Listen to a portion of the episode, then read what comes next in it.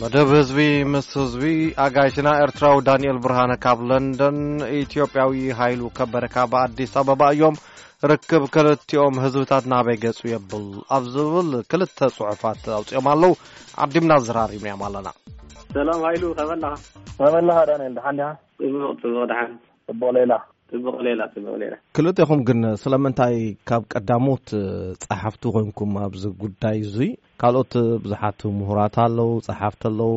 ኣብዚ ጉዳይ እዚ ይነጥፉ ዝነበሩ ንዓመታት ምባል ይከኣል ነይሮም እዮም ግን ዳንኤል ስለምንታይ ቀዲምካ ክትፅሕፍ ተገዲድካ ኣነ ኣጋጣሚ ናይ ዝፀሓፎ ምስ ረኣኹዎ ሽዑ ክምልሰሉ ማለት ክስታይ ገይርኒ ማለት እዩ እቲ ሓሳባት ጽቡቅ ኣንቢበዮ ገለ ማለት እዩ በጋጣሚ እዩ።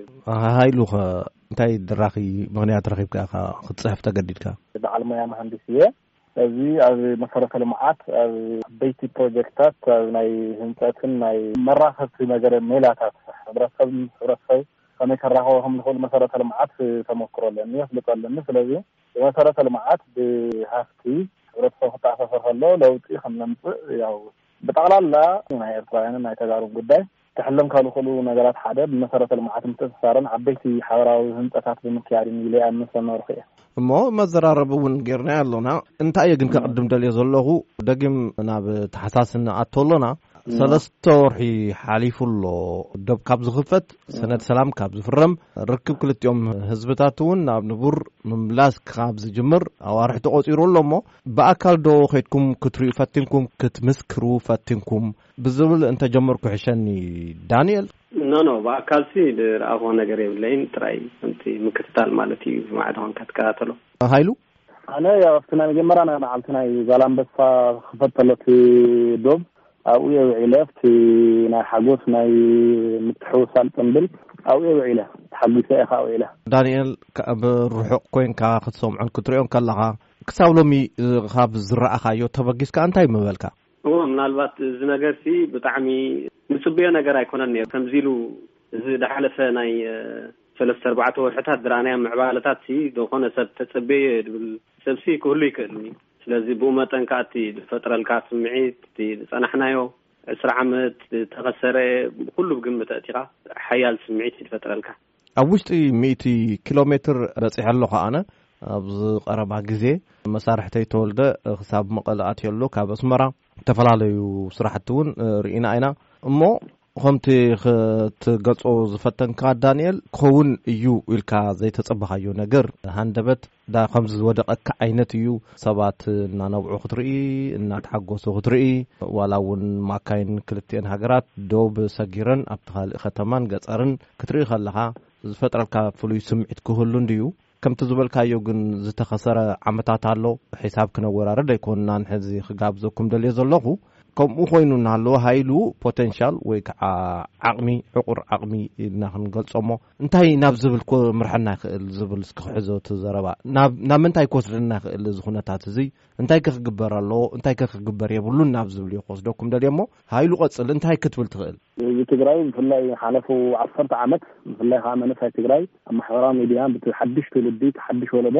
ምስ ኣሕዋትና ምስ ኤርትራውያን ዘለና ኣፈላላይ ይኹን እቲ ተፈጢሩ ዘሎ ኣይ ኩናት ኣይ ሰላም ይፈተሐልና ካብ ዝብል ዓሰርተ ዓመት ሓሊፉ እዩ። ኣቶ ሃይለማርያም ቀዳማይ ሚኒስትር ዘለሉ ግዜን ኣብ ሑሞራ፣ ኣብ ዓድዋ፣ ኣብ ኣኽሱም፣ ኣብ መቐለ ምስ ኣሕዋትና ሓዋሱሉና፣ እቲ ዘሎ ፀገም ፍትሑልና ካብ ዝብል ብዙሕ ዓመታት እዩ ኮይንዎ። ታይ እዩ ናይ ዶክተር ኣብይ ምምፃእ ስዒቡ እቲ ኩነታት ፈጢኑ እቲ ናይ ምብራቕ ኣፍሪካ ፖለቲካ ብፍጥነት ይለዋወጥ ስለ ዘሎ ኣካል ናይዚ ምልውዋጥ እዩ ኮይኑ እምበር ኣነ ይፅበዮ ነይረ እየ። መንእሰይ ትግራይ ከኣ ብዙሕ ሰሪሕሉ እዩ፣ ብዙሕ ተቓሊስሉ እዩ። ስለዚ ትጽቢት ነይሩኒ ብተወሰነ መልክዑ፣ እታ ፍጥነት ምፍጣና ጥራሕ ተልዮ ኮይና ማለት እዩ። ካብዚ ተላዒለ ኣብ ውሽጠይ ኣብ ርእሰይ ዝነበረ ብዙሕ ሓሳብ ይሓስብ ነይረ፣ ምስ ኤርትራውያንስ ከመይ ኢና ክንኾን ንኽእል፣ እንታይ እዩ ርክብና ክኾን ዝኽእል ኢለ ይሓስብ ነይረ፣ ምኽንያቱ ብዙሕ ደም ፈሲሱ እዩ ኣብቲ ዶብ። እዚ ክጽገን ዝኽእል ብመሰረቱ ብሓበራዊ ልምዓት፣ ብሓበራዊ ምዕባለ ብሓበራዊ ትልምታት እዩ ኢለ ይኣምን ይሓስብ ነይረ ብዙሕ ግዜ ምስቲ ሞያይ ከኣ ኣተሓሒዘ ታይ ክግበሩ ይኽእሉ እዮም ኢላ ኢሉ ሓሰብዎም ቤዚካሊ ኣብታ ዝጸሓፍኩ ጽሑፍ ከም ርኢኻዮ ተኾይንካ ኣብተን ዝተዳመናለን ከተማታትን ንቁሸታትን ከይተረፈ ሓበራዊ ህንጸት ሓበራዊ ትልሚ ይሃልወና ብዙ ጌርና ኢና ክንክሕስ ንኽእል እቶም ኣብ ብኩልቲ ገጽ ዝሞቱ ኣሕዋትና ክንፍሕሶም እንኽእል ብዙይ መልክዕ እዩ። እዚ ናተይ ናተይ ወለዶ ናይቲ ሓድሽ ወለዶ እዩ ንድሕሪት ክርኢ ይደልል እንታይ ነይሩ መንቀሊኡ እንታይ ነይሩ መንዩ መጥፊኡ ገለመለ ኢለ ክሓስብ ኣይደልን ናተይ ትውልዲ ንቕድሚት ምኻድ እዩ ንቕድሚት ኸኣ ብኸመይ ጌርና ክንኸድ ንኽእል ዝብል ሓሳብ እየ ኣቕሪባ ኣብዚ ኣብ ዝተፈላለዩ ሰብ ዝተፈላለዩ ርእይቶ ክህብ ይኽእል ጨቡቕ ናተይ ግን ካብ ዝተላዕለ እየ። ሕራይ ናብ ዝርዝር ክንኣትዎ ኢና ዳንኤል ብወገንካ እንታይ ክቕድም ኣለዎ እንታይ ክድሕር ኣለዎ ኣብ ዝብል እንታይ ምበልካ ዳንኤል? እወ ኣነ እንታይ ብል እቲ ደበገሶ ሓሳብ ብጣዕሚ ፅቡቅ እዩ ሓሳባት ክተቅርብ ኩሉ ሰብሲ እዚ ምዕባለስ ክሪኤቲቭ ዝኮነ ኣተሓሳስባ ዝብሎ ዘሎ ወላ ሓደ ፀገም የለን እንድሕር ደኣ ሰላም ሃልዩ ምርድዳእ ተሃልዩ ዶብ እውን የብሉን ክግበር ዝከኣል ነገራት ማለት እዩ ግን እንታይ ኣሎ ሓደ ነገር ሓደ ቻፕተር ክትዓፅዎ ክትክእል ኣለካ ፅቡቅ ጌርካ ቅድሚ ናብ ካልእ ሙቭ ምግባርካ እንተ ደኣ ንዑ ከይዓፀኻ ብትክክል ድሕር ከይዓፀኻዮ ንቅድሚት ትኸይድ ኣለኻ ዋላ ምዕባለ ገበር ክምለስ እውን ይኽእል እዩ ማለት እዩ ቁጠባ እዚ ፕሮጀክታት ንባዕሉ ሲ በይኑ ነቲ ሽግር ክፈትሖ ይክእልኒ ማለት እዩ ሕጂ ክእለዩ ዝግብኦም ዕንቅፋታት ኣለዉ ንዖም ምስ ኣለኻ እዚ ትብሎ ደሎ ክገበር ብጣዕሚ ዋላ ሓንቲ ጸገም ደሎ ነገር ኣይኮነን ግን ቅድሚ ደሎ መሰረታዊ ዝኾነ ነገራት ኣሎ እሱ ክፍታሕ ክኽእል ኣሎ ማለት እዩ ዳንኤል ምሳኻ ክጸንሕ ናይ ሃይሉ ንቅድሚት ምርኣይ ኣብ ዝብል እንታይ ክብል ከም ዝኽእል ካብኡ ክንሰምዖ እንታይ እዮም ቶም ዓንቀፍቲ ወይ ከዓ እንታይ እዮም ቶም ዕንቅፋታት ክትብሎም ትኽእል እንታይ እዮም ቶም ዓንቀፍቲ ሕጂ ብመሰረቱ ቀዳማይ ነገር ደሎ ሓደ እቲ ናይ ሕቶ ናይ ዶብ ኣሎ ናይ ምሕንጻጽ ጉዳይ ኣሎ እቲ ማእከላይ መንግስቲ ናይ ኢትዮጵያን ህወሓት ኣብ ትግራይ ዘሎን ኣብ ሓደ መስመር እውን ኣይመፁን ኣለዉ ስጋብ ሕጂ ህወሓት ንፁር ዝኾነ መትከሉስ ወይ እቲ ናቱ ፖሊሲ ኣይርኣየን ኣሎ ምክንያቱ ቅድም ቀዳድም እቲ ናይ ምምልካት ንሱ ኣብ ቀዳማይ ክመፅእ ኣለዎ ንፁር ነገር ክንርኢ ክንክእል ኣለና ልክዕ ከምቲ እዚ ሓዱሽ ፕራይም ሚኒስተር መፂኡ ዘሎ ቆራፅ ስጉምቲ ወሲዱ ዝገበሮ ህወሓት እውን ከምኡ ዓይነት ስጉምቲ ክወስድ ኣለዎ ኣብኡ ወላ ሓንቲ ፀገም ከም ዘይብሉ ምክንያቱ ከም ዝብሎ ዘሎ እንድሕር ደኣ እቲ ዝመፅእ ክግበር ድከኣል ብዙሕ እንድዩ ሕጂ ነቲ ዓበይቲ ረብሓታት ርኢኻ ነቲ ትብዓት ዘድልዮ ስጉምታት ክወስድ ክኽእል ኣለዎ ማለት እዩ። ግዝይታት ሓደ ምትእምማን ምፍጣር ማለት እዩ። ሕጂ ብሓቂ ክንዛረብ እንተኾይንና ኣነ ከም ናይ ህዝቢ መጠን ከም ኤርትራዊ እዚ ዕስራ ዓመትሲ ቀሊል ክስታይ ኣይኮነን ወሪዱ ኣባና ኣብ ኩላህና ማለት እዩ ትግራይን ኣብ ኤርትራን ብፍላይሲ ቀሊል ኣይኮነን ሕጂ ሙቭኦን ክንገብር እንተኾይንና እቲ ምትእምማን ቢልድ ክኾን ክኽእል ኣለዎ። እዚ ከዓ ሓደ ካብቲ ስጉምቲ ክወስዶ ዝግብኦም ነገር እዩ ማለት እዩ ዳንኤል ኣብ መንጎ ኤርትራን ኢትዮጵያን ብደረጃ መንግስታት ዝተኸትመ ውዕል ሰላም ኣሎ እቲ ክትብሎ ዝፀናሕካ እውን ኣካል ናይቲ ሰነድ እዩ ናይቲ ስምምዕነት እዩ እታ ዝበልካያ ነጥቢ ኣብቲ ውዕል ፕረዚደንት ኢሳያስን ቀዳማይ ሚኒስትር ኣብይን ዝፈረምዎ ሰነድ ኣሎ እዩ ስለዚ መበል ሳልሳይ ራብዓይ ተሰሪዑ ኣሎ ንስኻ ግን ንላዕሊ ምጻእ ትብለኒ ኣለኻ እሞ ኣነ ግን ኣብኡ ተኻቲቱ ስለ ዘሎስ ከም ዝተኻተተ ዘንጊዕኻ ዲኻ ወይስ ይቐድም ዲኻ ትብለኒ ዘለኻ ወይስ ክልል ትግራይ ነቲ ሰነድ ሰላም ኣይተቐበሉን ነፂግዎ እዩ ስለዚ ብወግዒ ከፍልጥ ክኽእል ኣለዎ ዲኻ ትብለኒ ዘለኻ ንፁር ዶ ክትከውን ትኽእል እዎ ኣብ ቦትኡ ከሎ ትስምምዕ ኣሎ እንዶ ኩላህና ንቕበሎ ንሕጎሰሉን ጉዳይ እዩ ንዑ ዶ ኣይኮነን ንምቅዋም ኣነ ድብዶ ኣለኹ ስጋብ ሕጂ መጀመርያ ቅድም ቀዳድም ኣብይ እቲ ኢህወደግ ተቀቢልዎ ተባሂሉ ቀዳማይ ዝነበረ ሪኣክሽን ሰለማዊ ሰልፊ ኦርጋናይዝ ተገይሩ ኣንጻር ናይቲ ውድም እቲ ብይን ዶ ብዙሕ ነገራት እዩ ተኻይዱ እቲ ንሕና ንሪኦ ዘለና ኣብ ደገ ኮይና ማለተይ ንጹር ዝኾነ መልእኽቲ ሓንሳብ ተፈላለየ ክስታይ ኢና ርኢና እቲ ኢህወደግ ምስ ተቀበሎ ብድሕሪኡ ዝሰዓበ ተቃውሞ ነቲ ብይን እዩ ተራእዩ ደሞንስትረሽን ተኻይዱ ፍቲ ዶብ ዋላ እቲ ሕወሓት እውን ከም ውድብ ናቱ መግለፅታት ኣውፅኡ ብዛዕባ እዛ ጉዳይ እዚኣ ስጋብ ሕጂ ዝወፀት ቃል ንፁር ዝኾነ የለን በጀካ እቲ ህዝቢ ምስ ህዝቢ ገለ ዝበሃል ገለ ተደይኮይኑ ካልእ ወላሓንቲ ዝወፀ ነገር የለን ሕጅስ ብመሰረት ካብቲ ዝሰማዕናዮን ዝረኣናዮን ዋላ ሓደ ካብ ትግራይ ክልልሲ ዝመፀ ነገር የለን ማለት እየ ሃይሉ እዎ እንታይ መስለካ በትረ ናይ ዳኒኤል ሓሳብ ዝተወሰነ መልክዑ ክርዳእ ፈቲነ እየ ብኣይ ወገን ኣነ ኣባል ህወሓት ይኮንኹን ኣመራርሓ ይኮንኹን እንታይ ክብል ዝኽእል ግን ካብቲ ዝዕዘቦ ዘለኹ ብውልቀይ እቲ ኣጀንዳ ምስ ኤርትራውያን ኣሕዋትና ዘለዎ ርክብ ናብ ንቡር ምለስ ናብ ዝብል ናይ ህዝቢ ትግራይ ኣጀንዳ እዩ። ካብኡ ቀፂሉ ናይ መንእሰይ ህዝቢ ትግራይ ኣጀንዳ እዩ። ነዚ ኣጀንዳ እዚ ህወሓት ሒዛ ናብ ኢህወደግ እያ ቀሪባ። ኢህወደግ እዚ ኣጀንዳ እዚ ይተዓፀ፣ ምስ ኤርትራውያን ሰላም ንግበር ዝብል ውሳነ ኣሕሊፉ ማለት እዩ። ናይ ህወሓት ኣጀንዳ እዩ። ብቲ ናይ ህወሓትን ናይ ኢህወደግን መግለፅታት ከም ዝተረዳእናዮ ከምኡ እዩ። ስለዚ ህወሓት ንዘቕረበቶ ኣጀንዳ መሊሳ ክትመፅእ ዘይትኽእል እያ። ብናተይ ኣረዳድኣ። እንታይ ግን ኾይኑ ሰልፊ ምስ ኤርትራውያን ወይ ኸዓ ምስ ኤርትራ ሰላም ኣይንደልን ወይ ኸዓ ዶብ ክጥረር የብሉን ገለመለ ኣይኮነን እቲ ሰልፊ ብመሰረቱ ንሕና ህዝቢ እንሳተፈሉ መስርሕ ይዳለወልና ምስ ኣሕዋትና ንሕና ባዕልና እቲ ጎንፂ እንፈትሐሉ ሓደ መገዲ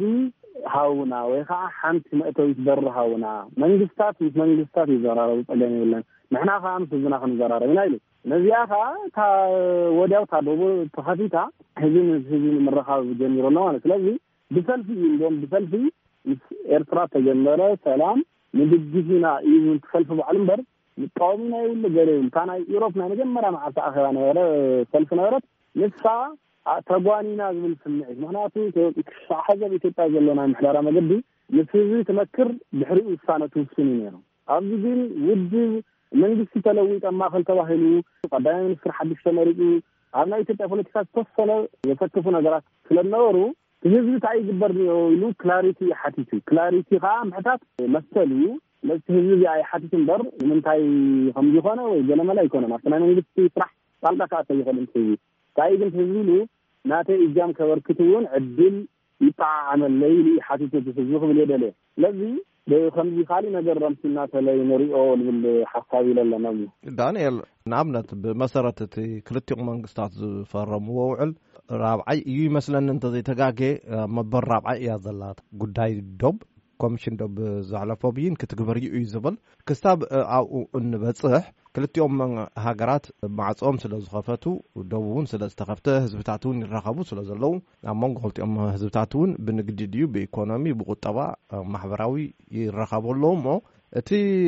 ሃይሉ ዘቕርቦ ዘሎ መደባት ምትግባር ክድገፍ ደሎ ወይስ ክጸንሕ ኣለዎ ኣብ ዝብል ርእቶ እንተሃብካኒ ኖኖ እቲ ዝኾነ ናይ ልምዓት ድዩ ጀሚሩ እኳ ኣሎ እቲ ዝግበር ዘሎ ብዙሕ ነገር ግበር ኣሎ ንግዲ ኣሎ ብዙሕ ነገር ካየድ ኣሎ እምዕብል ኣሎ ጸገም ኣይኮነን ግን እቶም መሰረታውያን ዝኾኑ ነገራት ክፍትሑ ዘለዎም ነገራት ከምዚ ንኣብነት ናይ ዶብ ዝጠቐስናዮ ብናተይ ኦነስትሊ ኣረዳድኣ ክነግረካ ተኮይኑ ስጋብ ሕጂ ኣብ መሪሕነት ትግራይ ዘሎ መሪሕነት ማለተይ ስጋብ ሕጂ ዝወሰዶ ተባዕ ዝኾነ ወይ ሊደርሽፕ የለን ነዚ ንቕድሚት ንምውሳድ ማለት ዩ ሕጂ ኣብ ከምዚ ዓይነት ኩነታት ከምዚ ከምዚ ኢልካ ክትዛረብ ኣፀጋሚ እዩ ዋላ እንተሪኢኻዮ ከማን ልክዕ ከምቲ ኣይ ሰላም ኣይ ኩናት ዝነበረ ነናቱ ስትራተጂ ዩ ዝኽተል ነይሩ። ሕጂ ኣነ ብወገነይ ክሪኦ ከለኹ ማለት እዩ ብደገ ኮይነ ዝዕዘቦ ዋላ ሓንቲ ኣብ ሓደ ዓይነት ፀወታ ዘሎ ኮይኑ ዝስማዓኒ እቲ መሪሕነትሲ ዋላ እቲ ህዝቢ ከም ዝትበሎ ናይ ብሓቂ ድልየት ኣለዎ ህዝቢ ትግራይ ረብሕኡ ናብ ምዕባለን ናብ ካልእን ክኸይድ ናይቲ ህዝቢ ይኮና ንዛረብ ዘለና ርዱእ ናይ ግን መሪሕነት ንፁር ዝኾነ እንታይ ናቱ ቪዥን ኣይፍለጥን እዩ እንታይ ናቱ ኣጀንዳ ዝፍለጥ ነገር የለን ካብቲ ዝሓለፈ ውን ንቕድሚት ከም ዝኸደ ዘርኢ ነገር የለን ዋላ ሓንቲ። ነብስና ሓጺብና ነቐፌታ ተኻይዱ ገለ ገለ በሃል ግን ኣብቶም ስትራተጂክ እሹስ ዋላ ሓደ ምንቅስቓስ ኣይረኣናን። ሕጂ ከኣ ናይ ግድን እዩ ክንጥርጥር ከኣ ከም ሰባት መጠን እንተ ምትእምማን ዘየለ እዚ ከኣ ኣብቲ ናይ ትግራይ ፖለቲካ ክንኣቱ ገለ ዘይኮነ ከም ኣውትሳይደር ኮይነ ማለተይ ዝዕዘቦ ነገር ማለት እየ ሕጂ ኣብዚ ህዝቢ ትግራይ ሊደርሽፕ ዘድልዮ ኣሎ የለን ሕጂ እዚ እቲ ዝዓበየ ፀገም እዩ ክፍታሕ ዘለዎ ነገር እዩ። እዚ መደብ ኣይተፈፀመን ዝቕፅል ሰሙን ክንመለሶ ኢና ክሳብ ሽዑ ንኣጋሽና ኣዚና ነመስግን።